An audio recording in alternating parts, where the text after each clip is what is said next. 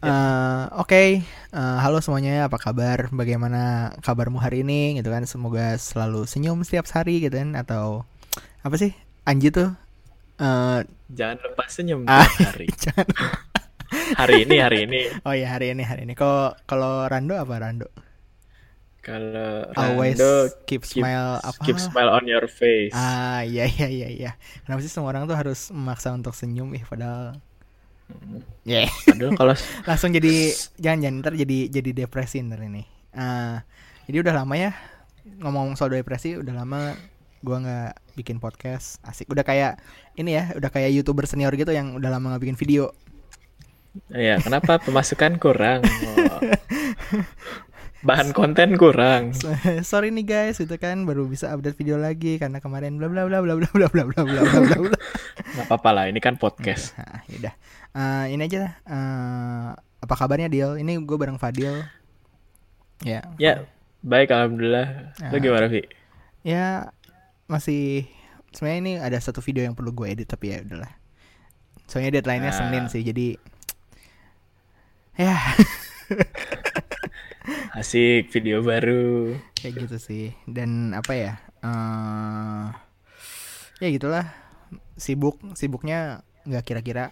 Sebenarnya nggak sibuk sih. Maksudnya kayak dibandingkan dulu tuh sekarang nggak ada jam nggak ada ja- jadwal khususnya gitu loh. Maksudnya kayak gue tuh bisa sibuk bisa bisa di awal minggu sibuk banget di akhir minggu santai bisa di awal minggu santai di akhir minggu sibuk gitu. Jadi nggak ada gue masih ini Ah. sih gitu kalau lu sendiri lagi apa ada ses- ada hal apa yang terjadi di kehidupan lu Gak ada sih, gue lagi em lagi belajar banyak hal aja sih sekarang. Oke. Jadi kayak kan beres bulan kemarin kan habis beres apa namanya ngambil beasiswa dari Kominfo, bukan ngambil kayak seleksi dapat terus alhamdulillah dapat top 100 dari 1000 apa eh, peserta terbaik terus masih nunggu kabar aja kelanjutannya kayak Nah, asik, asik. ada pelatihan lanjutan, terus ada job placement sama magang.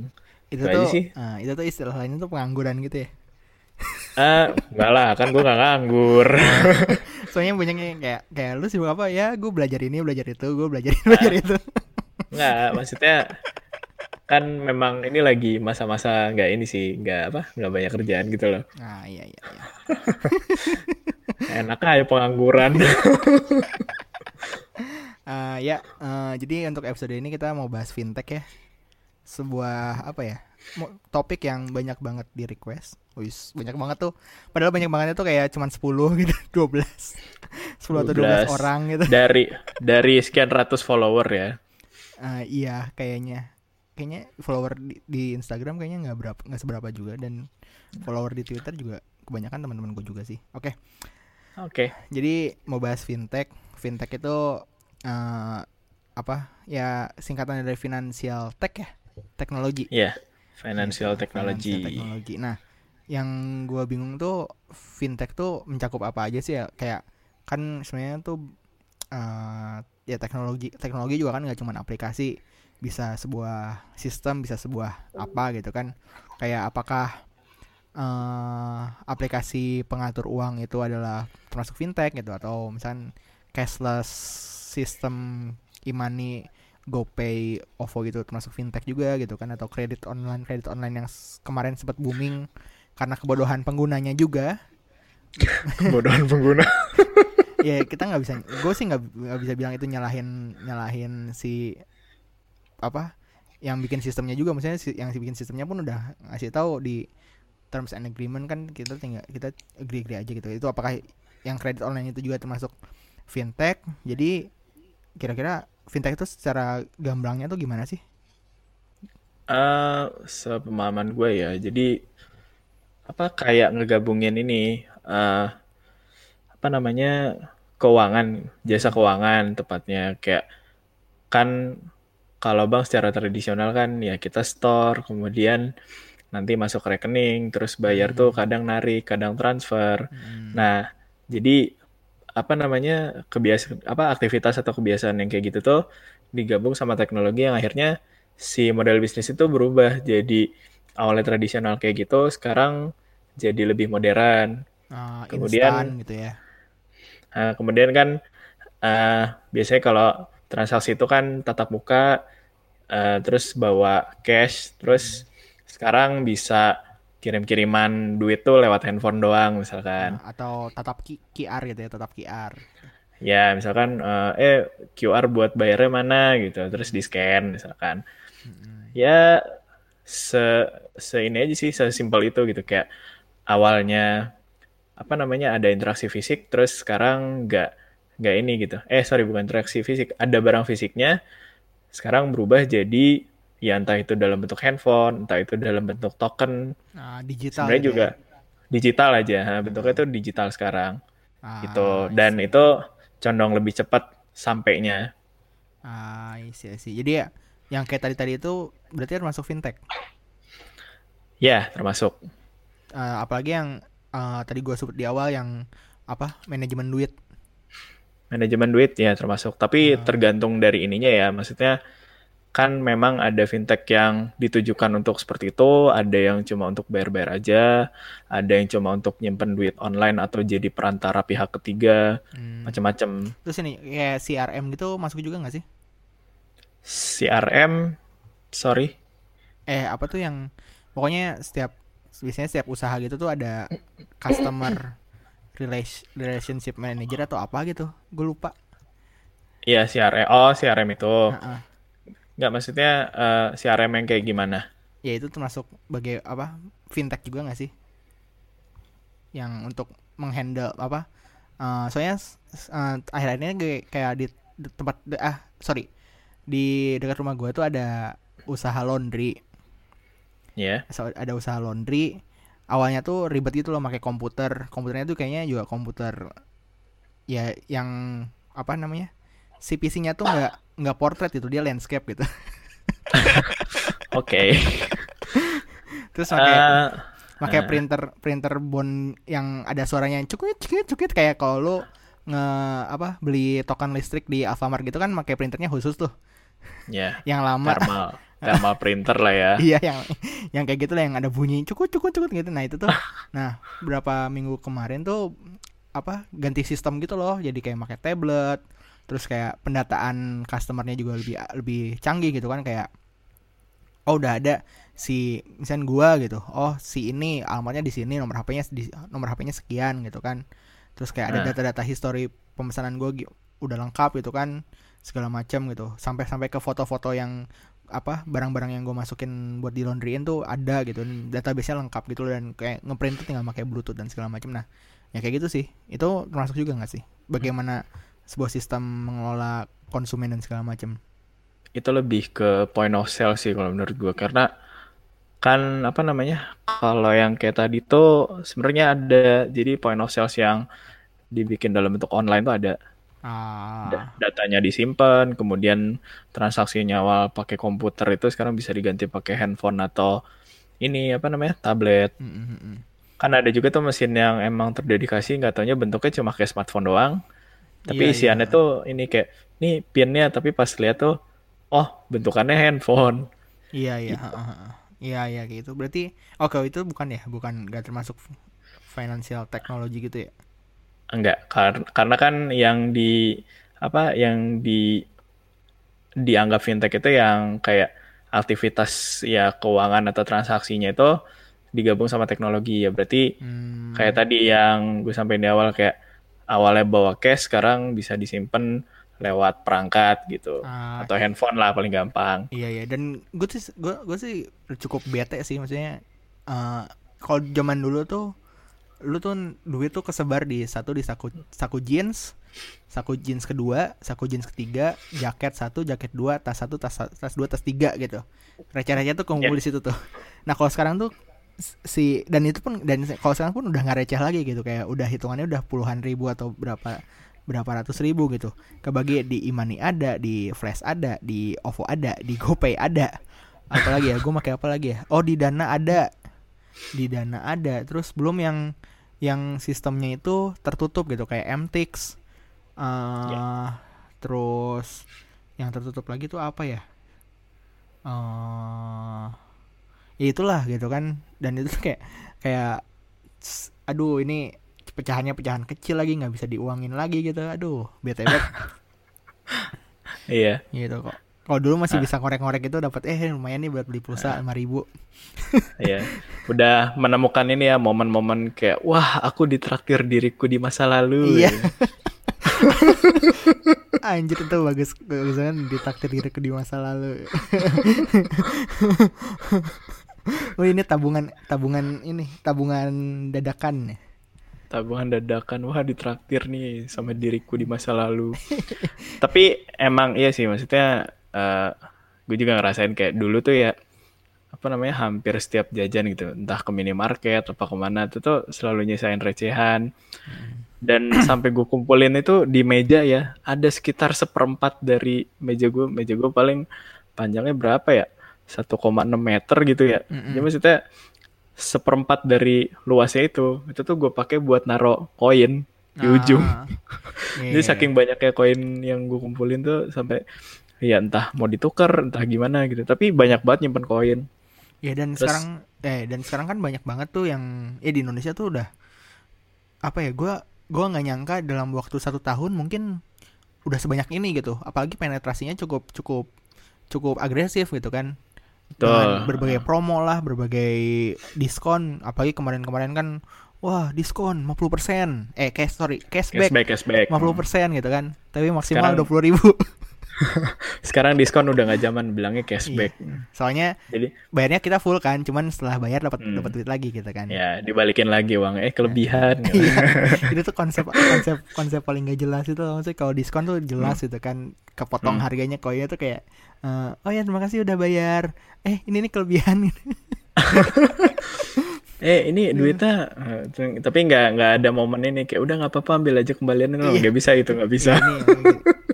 Ambil aja gitu dan apa eh, ya terus juga Genius juga mulai Hmm. mulai ini sih eh Ya. apa kayak or- orang-orang tuh udah orang-orang tuh kebanyakan tuh memanfaatkan Genius tuh untuk virtual credit cardnya gitu untuk apalah belanja online dan segala macam gitu kan dan nah dari situ tuh kayak jarang bang ya bukan nggak tahu sih kalau jarang atau nggak tapi kalau misalnya gue dan teman-teman gue rata-rata ya naruh saldo di Genius tuh emang kalau lagi butuh aja gitu. Kalau buat buat misalkan perpanjang Netflix lah perpanjang Spotify dan segala macam gitu. Tapi kayak nabung tuh nggak di situ gitu. Dan kebanyakan tuh banyak Hmm. banyak di telepon-telepon gitu kan. Halo mas. Halo. Eh, saya dari Genius nih.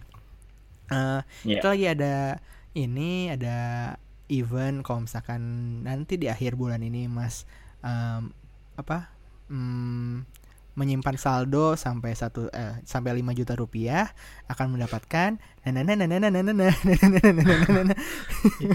untung gue gak pernah ditelepon itu tuh kalau gue sih sering banget tuh kayak gitu gitu tuh maksudnya kayak kayak uh, apa ya uh, ya pengen sih sebenarnya cuman cuman untuk untuk kemudahan kemudahan transaksi yang lain tuh gue masih rely ke bank lain sih jadi sorry banget ya jenius ya kayak gitu dan Iya. kayak oh ya aduh makin banyak banget eh, aplikasi-aplikasi atau layanan-layanan kayak gitu dan ya itu Hmm. tadi gitu masing-masing tuh kayak nggak apa ya ya gue sih pengen itu kayak diktator aja lah udahlah BI gitu atau Menteri Keuangan gitu kayak ya udah kita men- menerapkan sistem pembayaran nasional gitu Ah.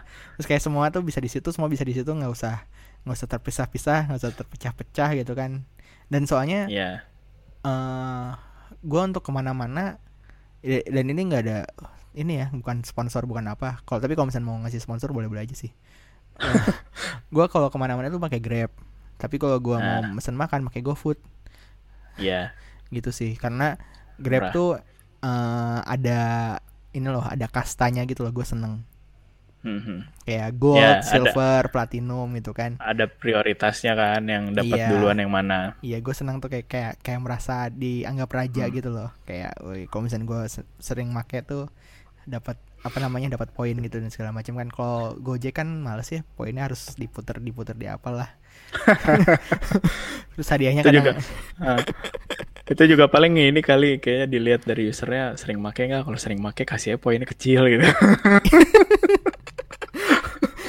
tapi bu- tapi kita nggak tahu ya itu cuma dugaan aja ya, Yeah. cuma dugaan. Maksudnya Yeah. ntar ada yang UTE gitu kan, oh ini fitnah gitu kan, aduh. Nah, enggak itu itu tebakan aja itu dari Iya. sisi seorang software engineer itu sangat Iya. mencurigakan soalnya. Ya dugaan lah, dugaan, dugaan, dugaan. Nah, dugaan. Hmm. Tapi emang ini sih, maksudnya fintech kan muncul juga karena ini, karena pola hidup di masyarakat kan kayak dominasinya tuh pada pakai smartphone, terus Ah, kemudian iya.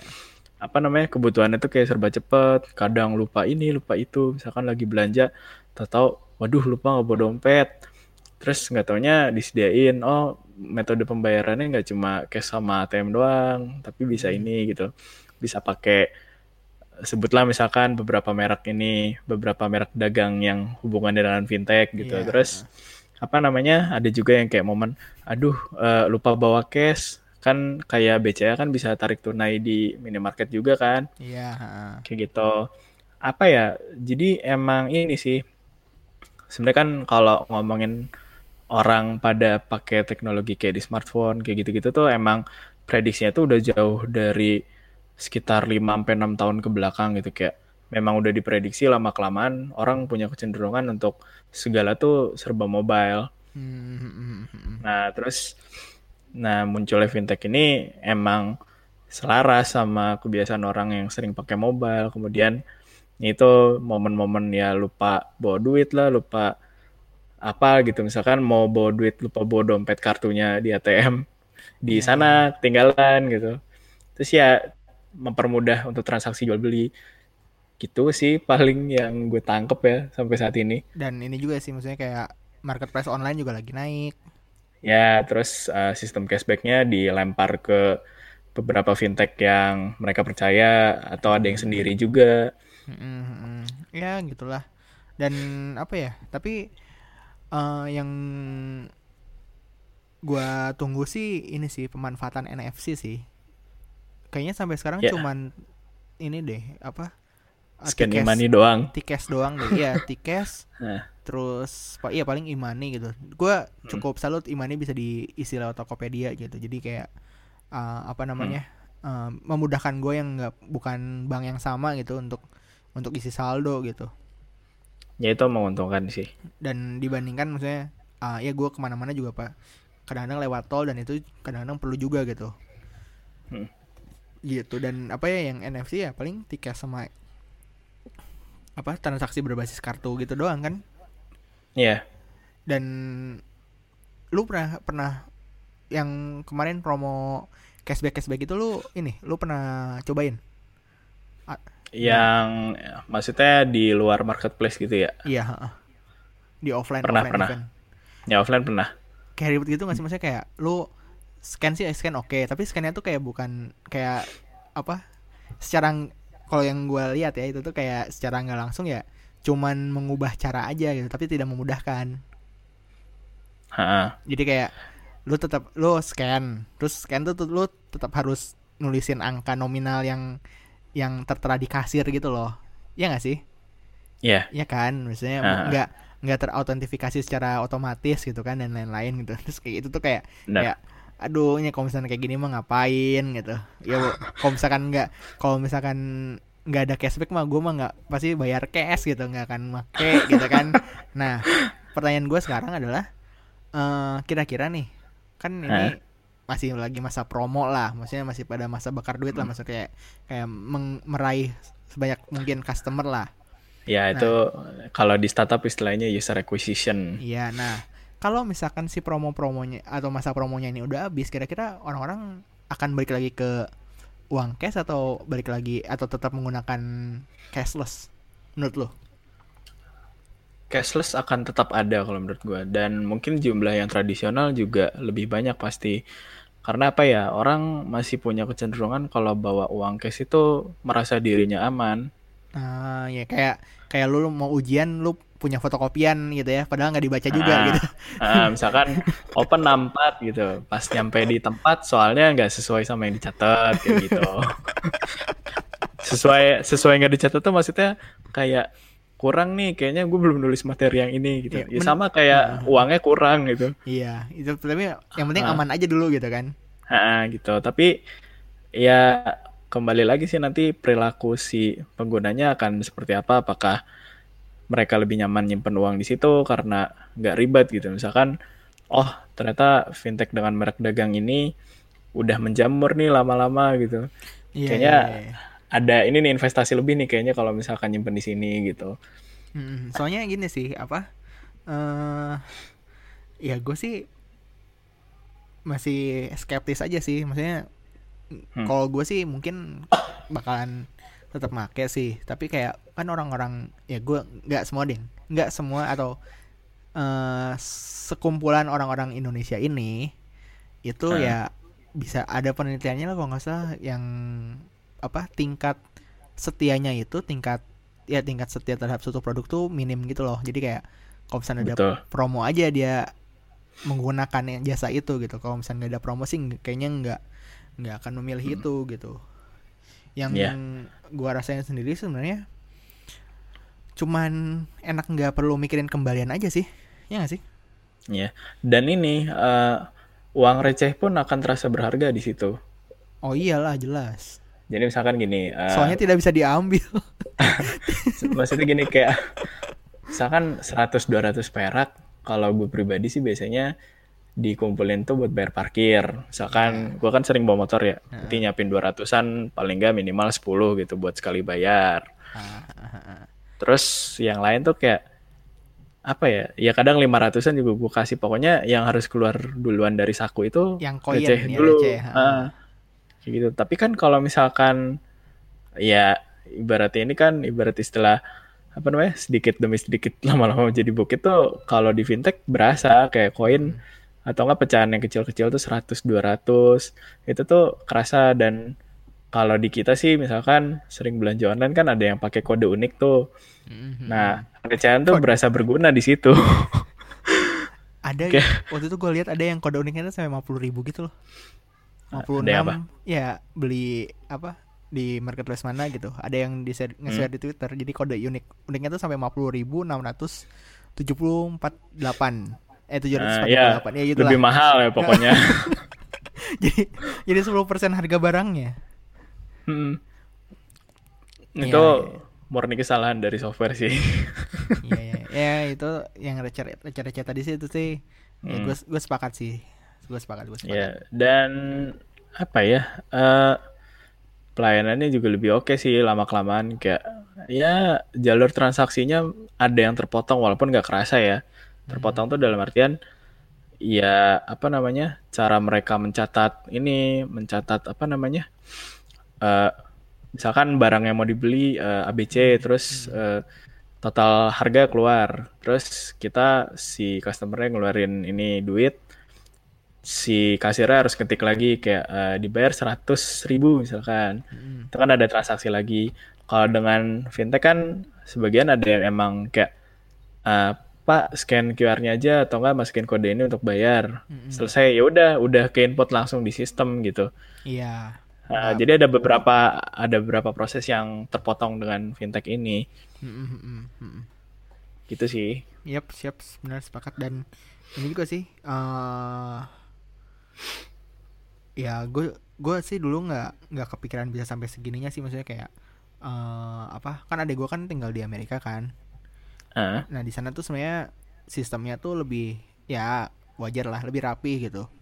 ya Jadi hmm, debit itu kartu debit itu sangat sangat terpakai di sana gitu. Mereka nggak perlu lagi ada ada apa namanya mata uang atau enggak jasa atau enggak alat pembayaran yang lain gitu selain debit gitu. Maksudnya di sana nggak ada lah yang namanya apa eh, Uber Pay gitu atau Lyft Pay gitu nggak ada gitu. Cukup Iya. pakai cukup pakai debitnya aja. Jadi kayak bahkan toko-toko apa kelontong gitu yang biasanya ada pasar malam kayak itu itu pun udah menerima menerima si kartu debit tersebut dan apa namanya eh ada kan ada yang si Visa kan bikin Visa Wave itu loh yang maksudnya nggak- perlu digeser Iya. perlu di tap tinggal di tap doang gitu kan dan segala macam Ah, dan kayak adek gue tuh jadi adek gue tuh kalau cerita dia tuh ke mana-mana tuh nggak perlu bawa dompet gitu.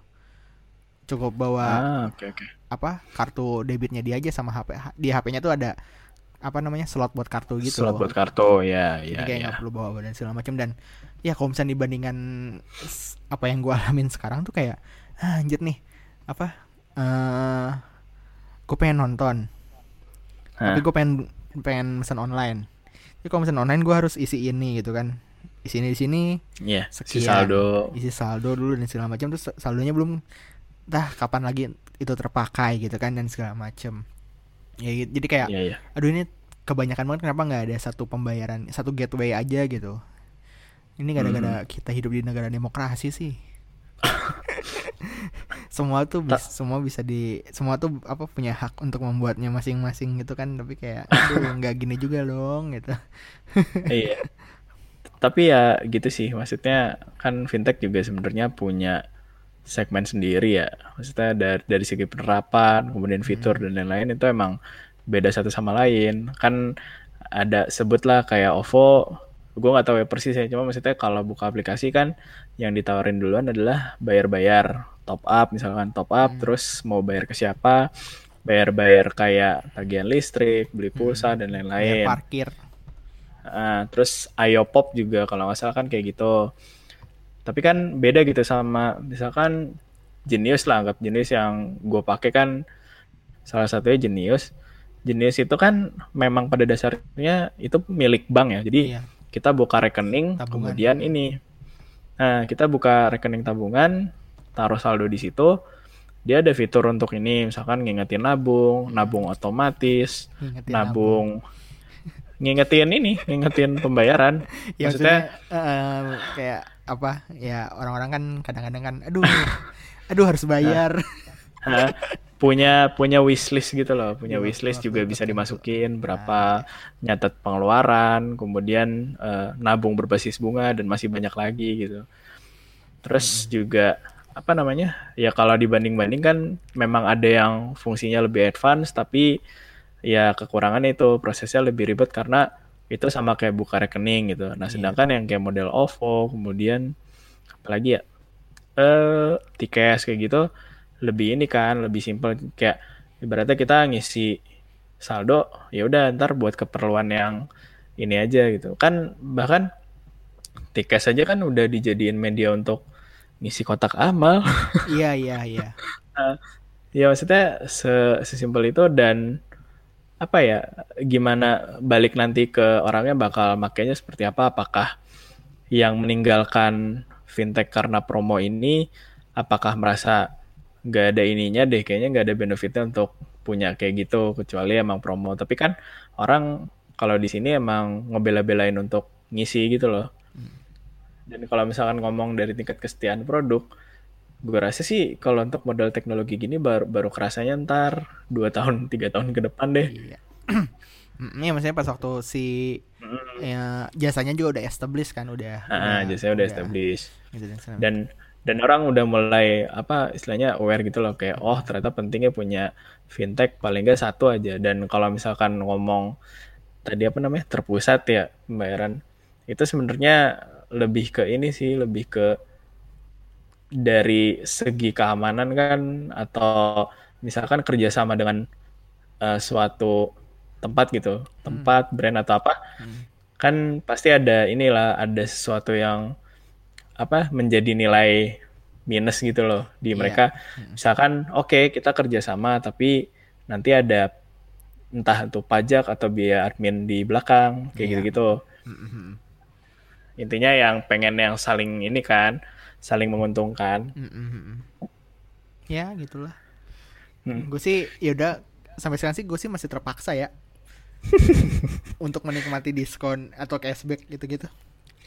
Ya sih gue juga sebenarnya bukan bukan orang yang sering cari cashback kan dari fintech fintech itu sih. Jadi cuma sekali doang kalau ada yang ngajakin ayo ayo ayo. Kalau- berangkat iya. dah. Ya ya. Naik pula kan lu di di Bandung juga kan enak kan ke mana naik motor kan oke kan kalau gue di sini Iya. kayak cukup cukup mengandalkan si ini sih ojek online ojek online gitu gitu sih jadi kayak kalau Hmm. misalkan pakai jasa yang di apa yang diajak kerjasamanya itu ya ya cukup lumayan lah benefitnya gitu. So, gue Ah. sih nggak masalah masalah cashback atau diskonnya ya, cuman eh, apa kadang-kadang tuh kan dia nggak punya kembalian lah dia nggak punya inilah nggak punya itulah nggak ada nggak ada apa em, gua harus nuker duit dulu lah dan segala macam itu itu kan bikin repot bikin males. Yang harusnya cepat malah jadi jadi ribet gitu. Ih bagus tuh. Ntar jadi judul lah yang jadi jadi judul. Dan ini apa eh si tapi call tickets tuh gue seneng. Beda sama yang lain call tickets tuh gue seneng. Yang gue seneng dari tickets adalah eh ya pas waktu tahun berapa ya 2014an nya kayak yang pas waktu tickets lagi awal-awal awal-awal gencar kan sekarang kan udah biasa-biasa aja nih Hmm. 2014an awal kan sempet sempet ini nih apa wah dipromoin banget lah tickets lah promo Yeah. McD lah promo bioskop atau segala macem nah itu tuh bioskop. Nah itu tuh gue memanfaatkan ini deh. Jadi ada si stiker tiketnya tuh bisa lu minta gratis. Bisa lu minta gratis di webnya. Gue lupa webnya apa pokoknya bisa minta gratis. Lu cukup ngasih alamat. Ntar dikirim pakai Ninja Express nggak pakai biaya pengiriman atau apa pun gratis. Dan tapi Hmm. sehari cuma bisa pesan sekali Hmm. satu user Terus? satu orang. Terus ya udah gue tiap dalam berapa minggu gitu ya gue order order terus tuh sampai ke ngumpul banyak tuh kan si stikernya tuh ya terus si stikernya tuh Hah? gua ini gua reprogram gitu loh gua si NFC-nya tuh dibuat buat komsen ke komsen HP gua nge-scan si si pin Tikes yang tikesnya itu mana tuh, gitu ya? tikes yang mana gitu tuh ngapain Hah? gitu kayak nyalain wifi matiin bluetooth dan segala macamnya lah jadi kayak itu tuh Hah? itu tuh kepake banget dan kayak kayak nggak pakai modal apa pun tiketnya pun gue dapat gratis kayak gitu itu itu gue senang banget tuh kayak gue nyimpen gue nyimpen di dompet satu itu tuh untuk kalau misalnya gue lagi berangkat gitu jadi pas waktu gue lagi berangkat eh, wifi mati bluetooth mati data nyala brightness auto terus Ah. ringtone sekian lah. Pokoknya udah udah gue set tuh si profilnya tuh. Terus kayak di rumah ada. Dan itu tuh gue ini lagi gue gue tempelin stiker lagi maksudnya biar nggak kelihatan tikes-tikes banget gitu gue bikin gue bikin ya itu paling yang modal yang gue bikin stiker-stikernya aja sih tapi ya itu Hmm. ini sih murah sih dan segala macam terus kayak Iya, iya. kayak Oh, teman-teman murah yang banget. teman-teman yang main ke rumah gue tuh kayak oh ini kayak rumahnya Tony Stark gitu loh serba automated gitu dan kayak apa ya misalnya nyampe rumah gua tap di kamar gua komputer langsung nyala Wih, itu itu nggak keren apa udah paling keren apa lagi coba lu nyalain komputer tuh dengan ngetap NFC gitu iya. itu tuh itu gua seneng tuh tapi pas waktu aduh gopay eh makanya QR code nih nggak asik nih nggak seru nih gue Hmm. beli HP mahal-mahal ada NFC nggak kepake kan Tapi nggak apa-apa. Gue juga punya kok beberapa temen yang HP-nya ada NFC tapi tetap aja pakai stiker tikes. nggak itu itu tuh ini itu tuh tanda tanda sos, tanda status sosial gitu loh Hah, tapi tapi kalau ditanya tuh dia tahu kalau itu tuh salah gitu. Kayak ya gimana ya lebih enak gini kayak nggak eh, ini sih kayaknya belum kebiasa aja sih nggak tahu posisi sensor NFC-nya di mana gitu jadi pas waktu ngetap ah, kayak takut takut apa udah misalnya beli beli tiket bioskop nih udah Hmm. ngantri panjang gitu kan terus pas waktu lu mau bayar tuh nggak bisa nggak bisa gitu. Terus lu nggak bawa cash gitu kan hmm. Eh iya waktu itu kan masih di segmen ya. Ah, antrian yang ini cuma untuk tikes doang. Tuh ada yang kayak gitu. aku di Depok sih dulu nggak nggak sih Ah, digabung di Bandung di Bandung pernah kayak gitu. Jadi Ah. eh, khusus buat tikes doang, khusus buat yang bayar biasa. ya ya gue sih kalau bioskop sih emtik sih Jadi gitu apa namanya orang pas ngeliat kayak, hah ini apa anda kok antriannya berat sebelah sih orang sama aja gitu. Nanti pas nyampe maaf mbak cuma untuk tikes balik lagi ke antrian yang paling belakang. gue sih pakai emtik sih gue Nah, eh semenjak gue jomblo tuh gue nggak pernah lagi beli tiket bioskop langsung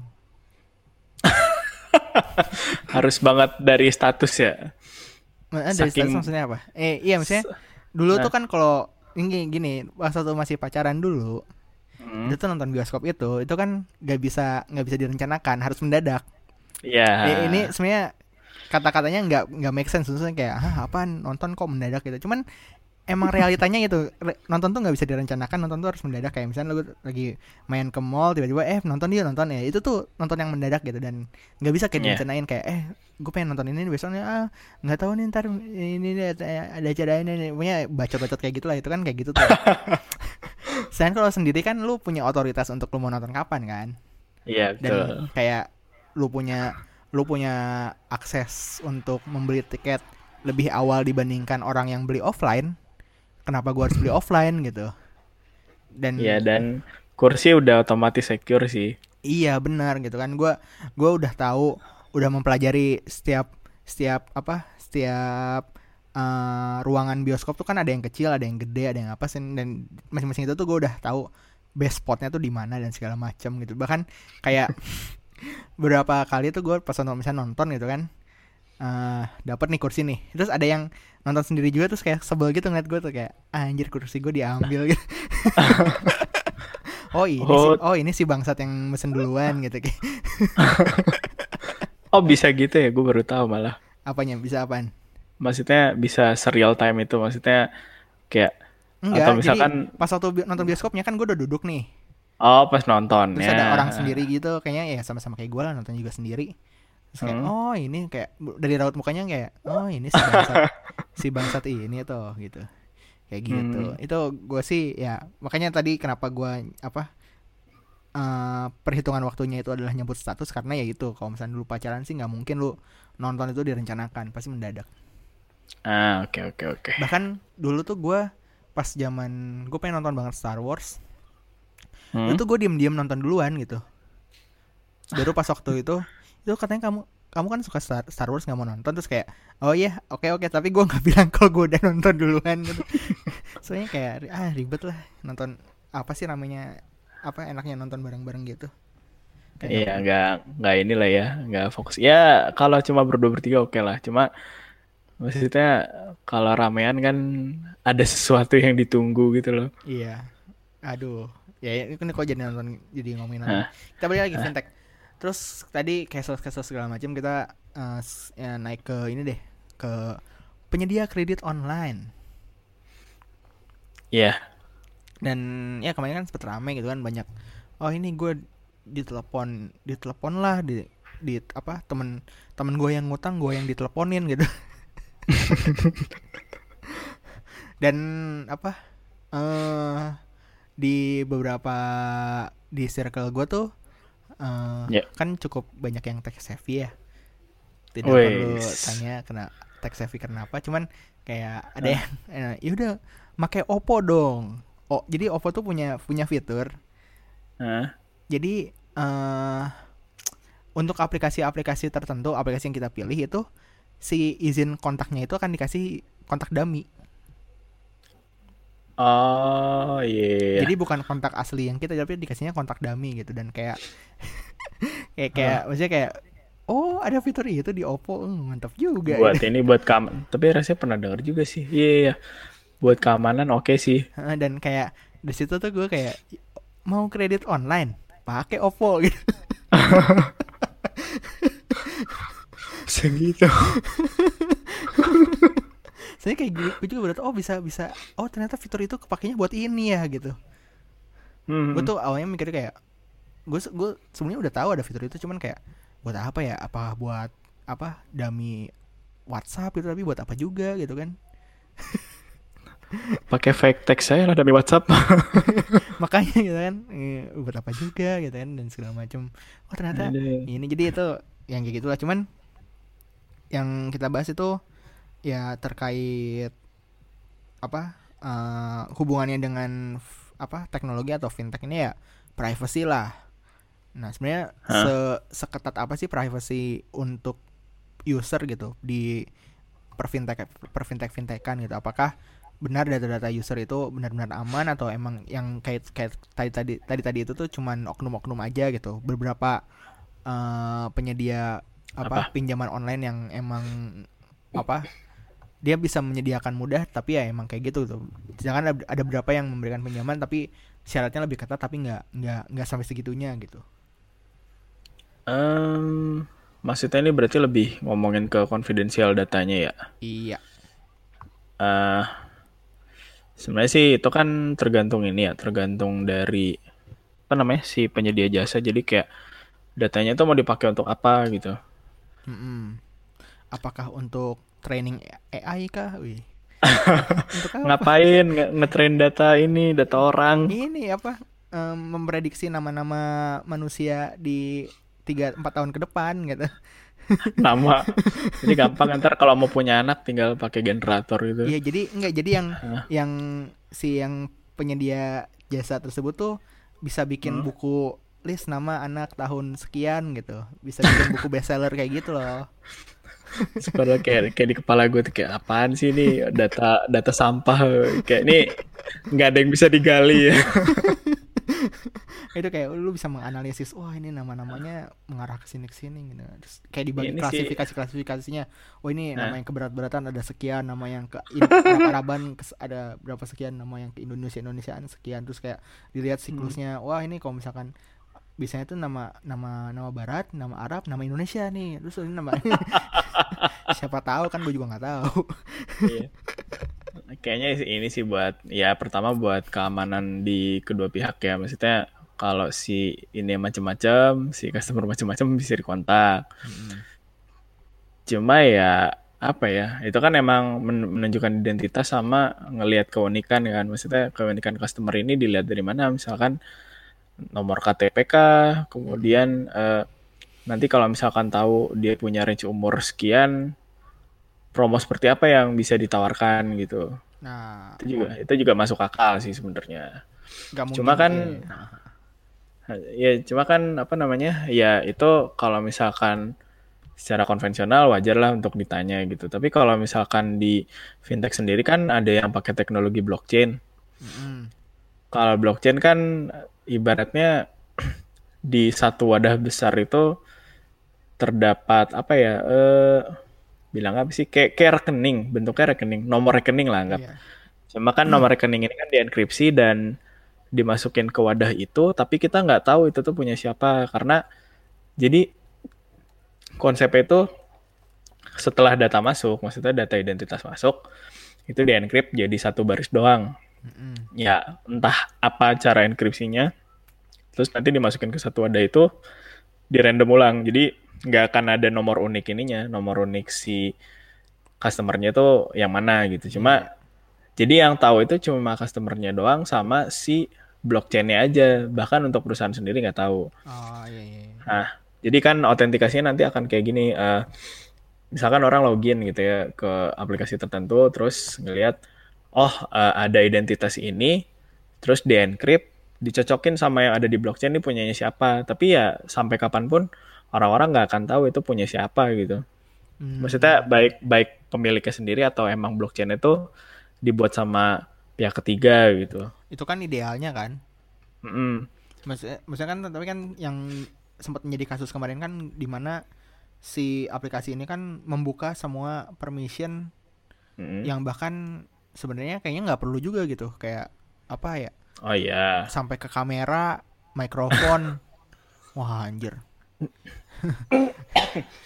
Tapi ya ini sih ya nggak tahu ya tuh gue sini sebenarnya juga perlu ini ya perlu perlu tahu kalau misalkan yang kayak gitu. Maksudnya minta permission sampai ke hardware itu eh apa ya si aplikasinya itu beneran mengambil data dari situ atau enggak? Atau cuma kayak anggaplah si software engineer-nya iseng gitu. Kalau mau bikin aplikasi di Android itu ternyata settingan si permission itu emang semua harus gitu.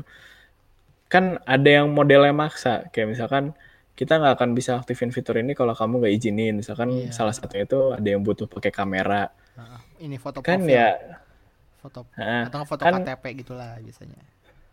Ya kan kalau secara nalar orang mikir buat apa coba nyalain kamera buat aplikasi ginian? Tapi dia tuh maksa gitu kayak eh, aplikasi tidak akan berjalan maksimal. Maksudnya pengalaman penggunanya tuh nggak akan maksimal kalau misalkan kamu nggak aktifin ini gitu.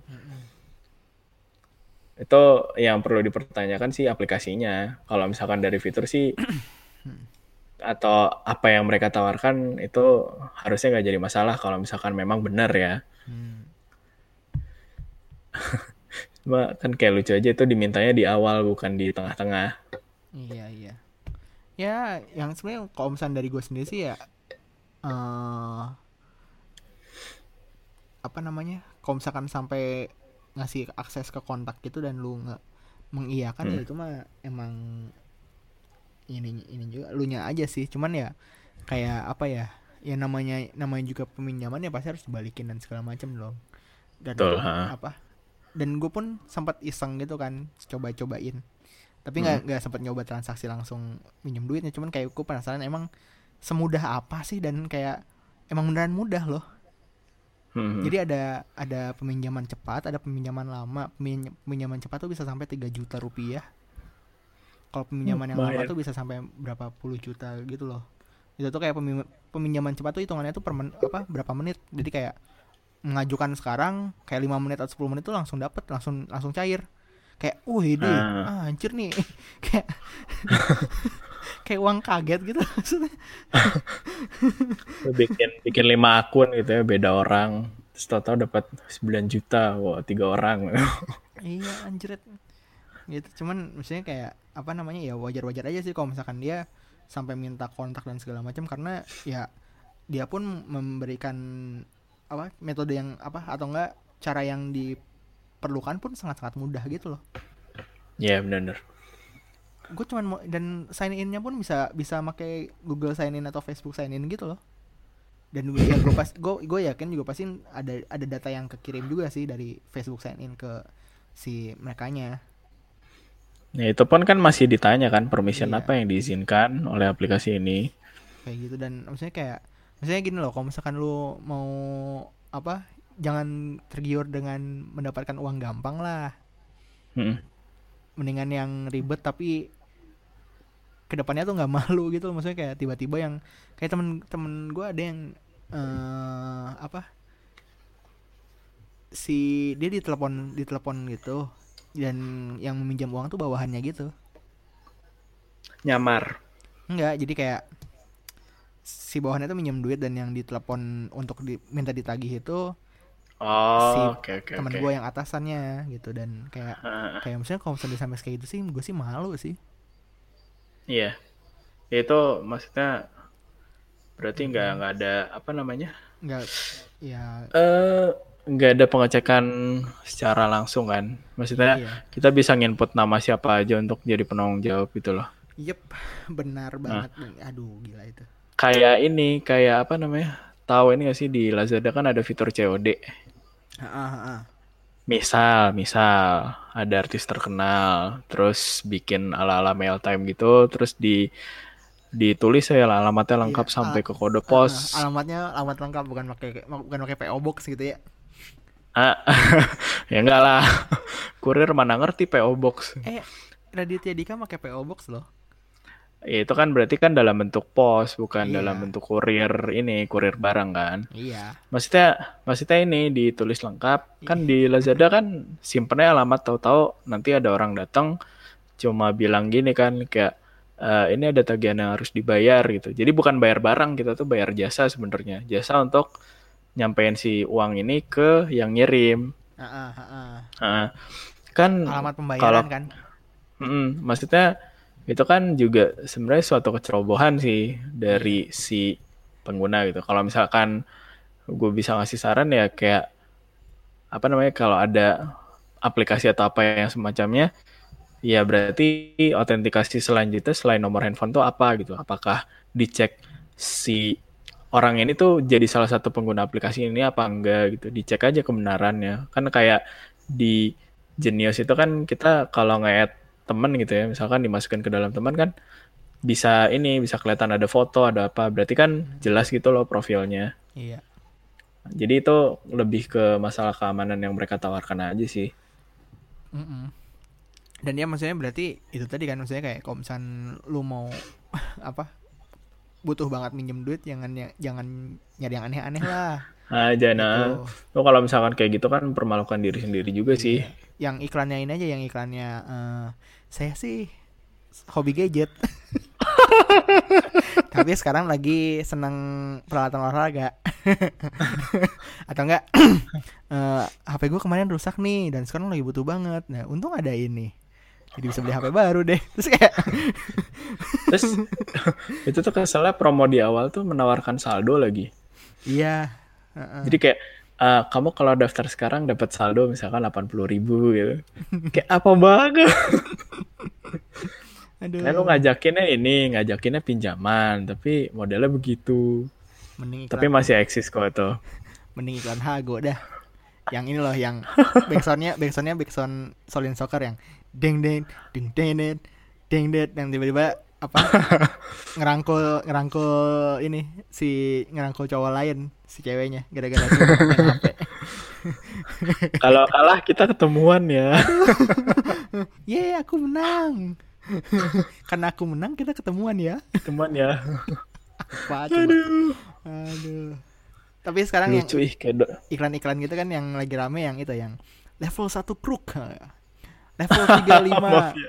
Eh, mafia That's bos how mafia works. That's how mafia works. itu gue masih seneng sih dibandingkan iklan ini apa eh, Sultan Sultan itu tau gak lu Ya, Game of Sultan. Game of Sultan kayak anjir apa anjir masih mending dinasti naga lah Aduh. oke terakhir nih Oke, oke. Ya. Eh, kira-kira ke depannya nih penggunaan fintech nih bakalan seperti apa nih? Apakah eh, masa-masa promo ini akan ada berhentinya gitu atau misalkan akan ada tapi tetap tapi dengan nominal yang enggak enggak wah gitu. Terus misalkan kayak apakah akan ada eh, jasa-jasa baru atau misalkan layanan-layanan fintech yang ter- yang baru gitu yang bisa dimanfaatkan oleh user gitu menurut lu gimana? Eh, kalau untuk Kalau nggak tahu juga, sih- kalau nggak tahu juga nggak apa-apa gitu. Kita bisa langsung tutup, tutup aja kalau misalnya malas. Kita serahkan itu kepada para penonton, pada penonton. ya, ya kalau gue bisa ini sih ya, maksudnya bisa berhayal gitu. Si ininya ke depannya pasti akan ada fitur baru sih. Nah, Ya apa apa pun bentuknya misalkan eh, kan ada fintech yang menawarkan cicilan tanpa kartu kredit. Nah, itu kan ada yang pakai bunga-bungaan tuh. mm-mm. Nah, apakah ada solusi lain gitu? Misalkan Oh. eh, apa namanya? nggak nggak pakai bunga karena riba misalkan. oh ini ya fintech syariah. Eh ya misalkan berbasis syariah atau emang secara program dia mena- tidak menawarkan bunga gitu. Ah, ini Gue pernah kok, gue kok pernah kok kayak ditawarin kayak, eh lu mau kerja di ini nggak perusahaan fintech, tapi no riba kok kayak, hah emang fintech identik dengan riba ya? Maksudnya kan itu gimana penggunanya gitu. Iya. Tuh, terus apa namanya ya paling nanti cenderung lebih banyak ini kali ya, lebih banyak apa namanya orang-orang transisi dari biasanya bawa duit cash jadi beneran cashless society tapi entah berapa lama dan kapan terjadinya transisi itu karena kan semakin lama orang bakal mikir ribet juga ya kalau misalkan nyimpen uang terus gitu kan di sisi lain ada aja orang yang ngerasa insecure kalau bawa cash tuh cash banyak gitu atau misalkan pembayaran yang lebih baik cash dan enggak tuh lebih ini gitu Untuk yang darurat apa cash masih bisa masih terpakai untuk hal-hal yang darurat lah. Nah, jadi maksudnya prioritas untuk cash ini akan berubah, itu juga bisa. Kemudian juga apa ya? Eh Kayak misalkan Ini di ini di apa di depan di apa namanya di tempat pembayarannya tertulis bisa melayani pe- pembayaran menggunakan ini ini ini pas waktu mau bayar aduh maaf a- aduh mas alatnya lagi rusak gitu alatnya lagi offline itu itu sebenarnya sesuatu yang nggak bisa ditolerir sih. Maksudnya kan kalau misalkan mesin EDC aja ya, itu kan wajar karena dia pakai jaringannya 3G gitu.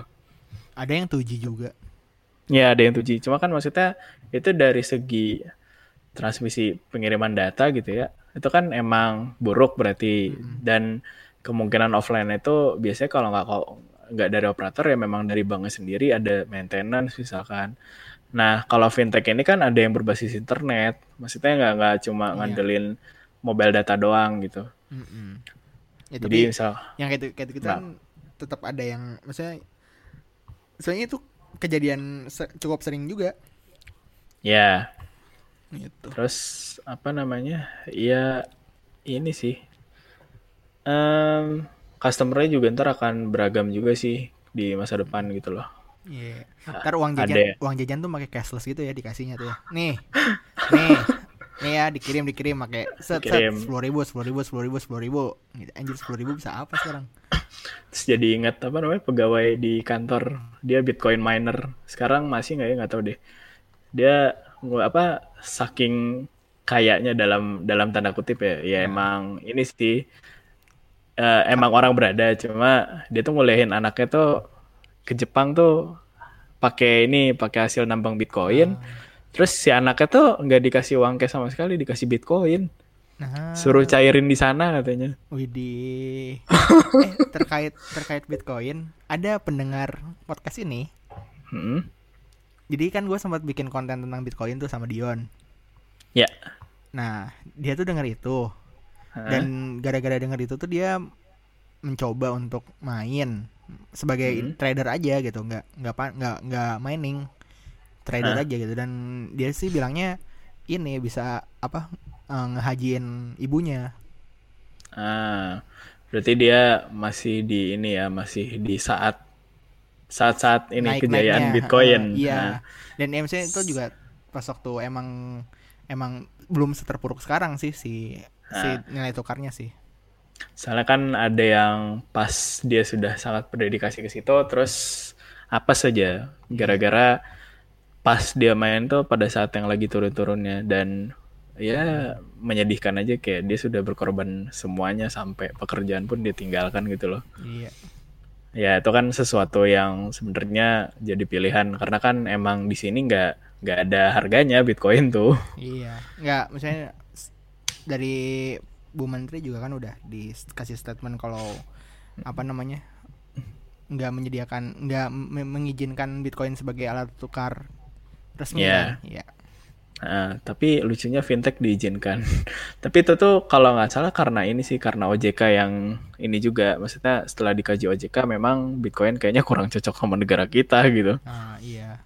Nah, apalagi kan karena sistemnya ada yang pakai blockchain juga sulit untuk melacak pemiliknya siapa kayak gitu itu ada ada unsur inilah apa namanya unsur kajian yang bagian keamanan itu mungkin kurang cocok kalau di negara kita. Ya tahu sendiri lah ya orang-orang di Indonesia kan kayak eh, apa namanya kadang masa bodoh dengan privasi tapi juga kadang mikirin gitu. Kayak dulu gue pernah bikin istilahnya kopdar ngobrol-ngobrol gitu ya waktu di Mozilla tuh kayak ngomongin privasi internet tuh mungkin gue udah ngomong tuh dari 2013 2014 gitu. Ada aja orang yang ngomong pada saat gue ngejelasin itu tuh kayak apa sih pentingnya kita ngejaga privasi online gitu? Maksudnya privasi di internet. Kenapa kita harus nulis apa namanya? Kalau orang bilang ada freedom of speech kenapa sih kita nggak boleh ngomong terlalu gini gini gini gini? Pada saat itu ya gue kayak cuma bisa jawab kayak ya kalau misalkan bentukannya konfidensial ya lebih baik nggak di ini. Terus ya kadang kan hate hate speech juga terjadi karena memang orang yang nggak sadar gitu loh. Mm-mm. Terus kan akhirnya di tahun-tahun belakangan ini yang terjadi apa sama kan kayak eh, hati-hati apa jejak digital itu nggak bisa dihapus Oh iya iya. iya. Nah, terus kan ada sih memang eh, gue lupa website apa gitu yang menyediakan untuk menghapus dirinya di internet. Gue lupa, cuma itu sistemnya kita login sign in Google, jadi apa pun yang berhubungan sama Google di akun Google itu, itu bakal dihapus semua. Hmm. Cuma kan kayak lucu gitu loh, ini berbanding terbalik pada saat ini pada saat gue ngomongin Oh, privasi, privasi, ini kenapa ya. orang malah berlomba-lomba untuk ini nutupin privasi Ah, di online gitu. iya. Kayak gitu.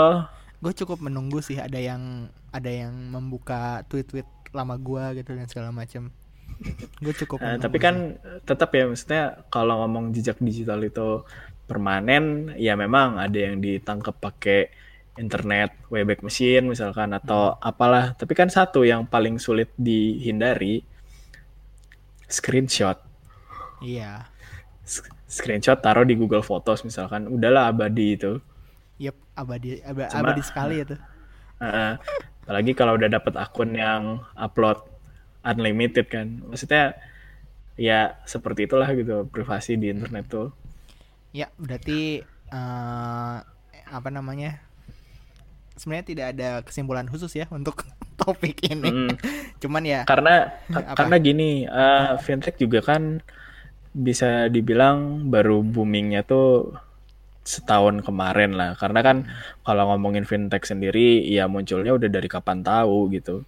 yep, Ya sesederhana BCA Mobile, apalah pokoknya M-Banking dan lain-lain yang menggunakan internet juga itu sebenarnya salah satu bentuk fintech. Cuma ya itu tadi kayak kan ada yang menawarkan fitur ini, menawarkan Dan- fitur itu, dan- kemudian ya apa e-banking kayak gitu tuh nggak semua orang make gitu. Sedangkan yang Hmm, sekarang beredar tuh udah menjamah gitu loh. Maksudnya kayak dari nah, dari grassroots asik nih gue biasanya politik banget.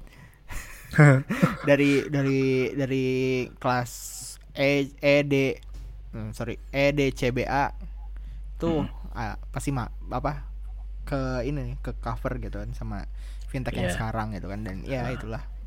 Berarti orang semua re- kenapa? ya berarti semua masih butuh cashback. Mm. ya intinya kan ada orang yang masih ribet pakai token ya udah pengen gak repot si merek dagang ini dipakai gitu. Iya. Kayak gitulah.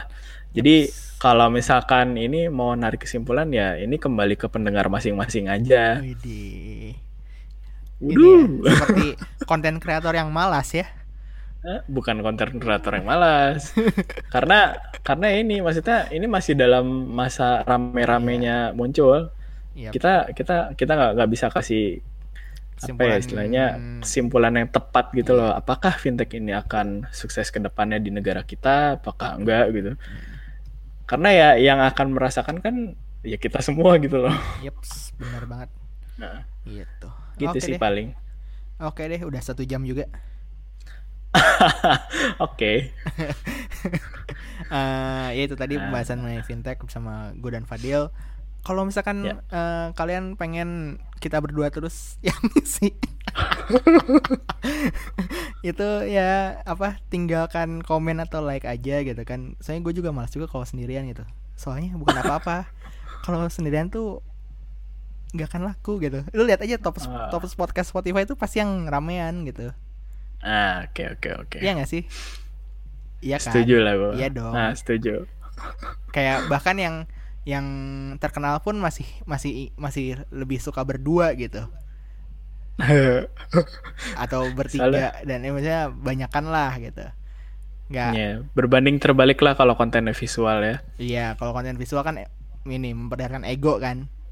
Ah, Aduh ini jangan lebar lagi jangan lebar lagi ngomongin yang lain yaudah eh thank you Ya. yang udah dengerin. Eh, ini bisa didengerin di Spotify di SoundCloud di Kaskus di Kurio kalau mereka ingat upload.